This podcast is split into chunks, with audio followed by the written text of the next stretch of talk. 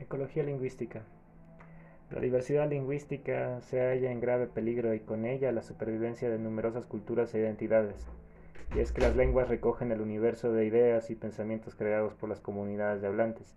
Cada una de las lenguas recoge la relación que la comunidad de hablantes entabla con su entorno, la mentalidad, el sistema filosófico y la comprensión que ha formulado respecto a su entorno.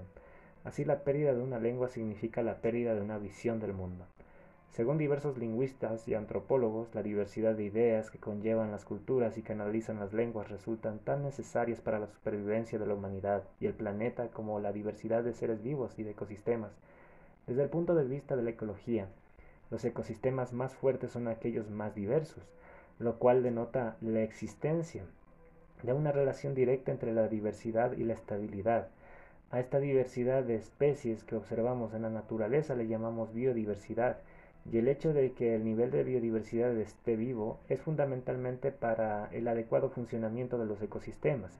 Sin embargo, en la actualidad el planeta pierde cada año un 1% de su biodiversidad y las especies de animales y plantas están desapareciendo de su medio natural más rápidamente de lo habitual.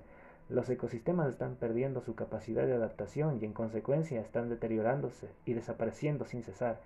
Asimismo, la capacidad de adaptación a diferentes medios ha asegurado la supervivencia de los seres humanos a lo largo de miles de años, capacidad que se basa precisamente en la diversidad.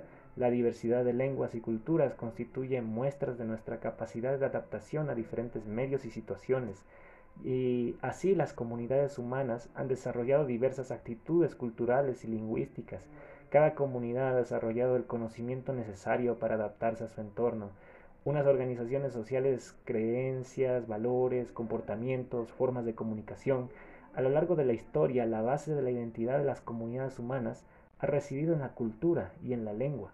Si bien el número de lenguas y culturas que existen en el mundo es menor que el de especies biológicas que conocemos, esta diversidad sigue siendo enorme, muy grande. Eh, dicha diversidad constituye el patrimonio de los conocimientos acumulados a lo largo de la historia, y ha sido gracias a ella entre otras cosas, que hemos logrado mantener y gestionar de una forma sostenible los, más diversos y particulares entornos biológicos del planeta. Si a lo largo de este siglo perdemos más de la mitad de las lenguas del mundo, em, las posibilidades de mantener la vida en el mismo se verán drásticamente reducidas. En base a este punto de vista, la salud de las comunidades humanas, la vitalidad, el fomento y la conservación de las lenguas y culturas y la conservación y protección de los ecosistemas conforman un mismo y único objetivo. Fundamentos sociolingüísticos. De cara a la promoción de la ecología lingüística y el equilibrio entre las lenguas, resulta de gran utilidad el conocimiento de aquello en que se basa la diferencia entre las lenguas. Realmente no existen lenguas peores ni mejores, sino que son todas iguales. Ahora bien, unas y otras desempeñan diferentes funciones. Y en las comunidades de hablantes en las que se emplean y en los colectivos humanos que hablan más de una lengua. Surgen conflictos cuando una de ellas comienza a verse desprovista de sus funciones, es decir, cuando empieza a perder la relevancia, el prestigio y el uso que gozaba en estas sociedades. Para hacer frente a estas situaciones, para dar el prestigio, uso y funciones que corresponde a una lengua, resulta casi imprescindible transformar a los hablantes en hablantes completos, es decir, capacitarlos para desenvolverse en dicha lengua en todos los ámbitos de la sociedad. ¿Cómo logramos eso? Pues garantizando la motivación, el conocimiento y el uso de la lengua.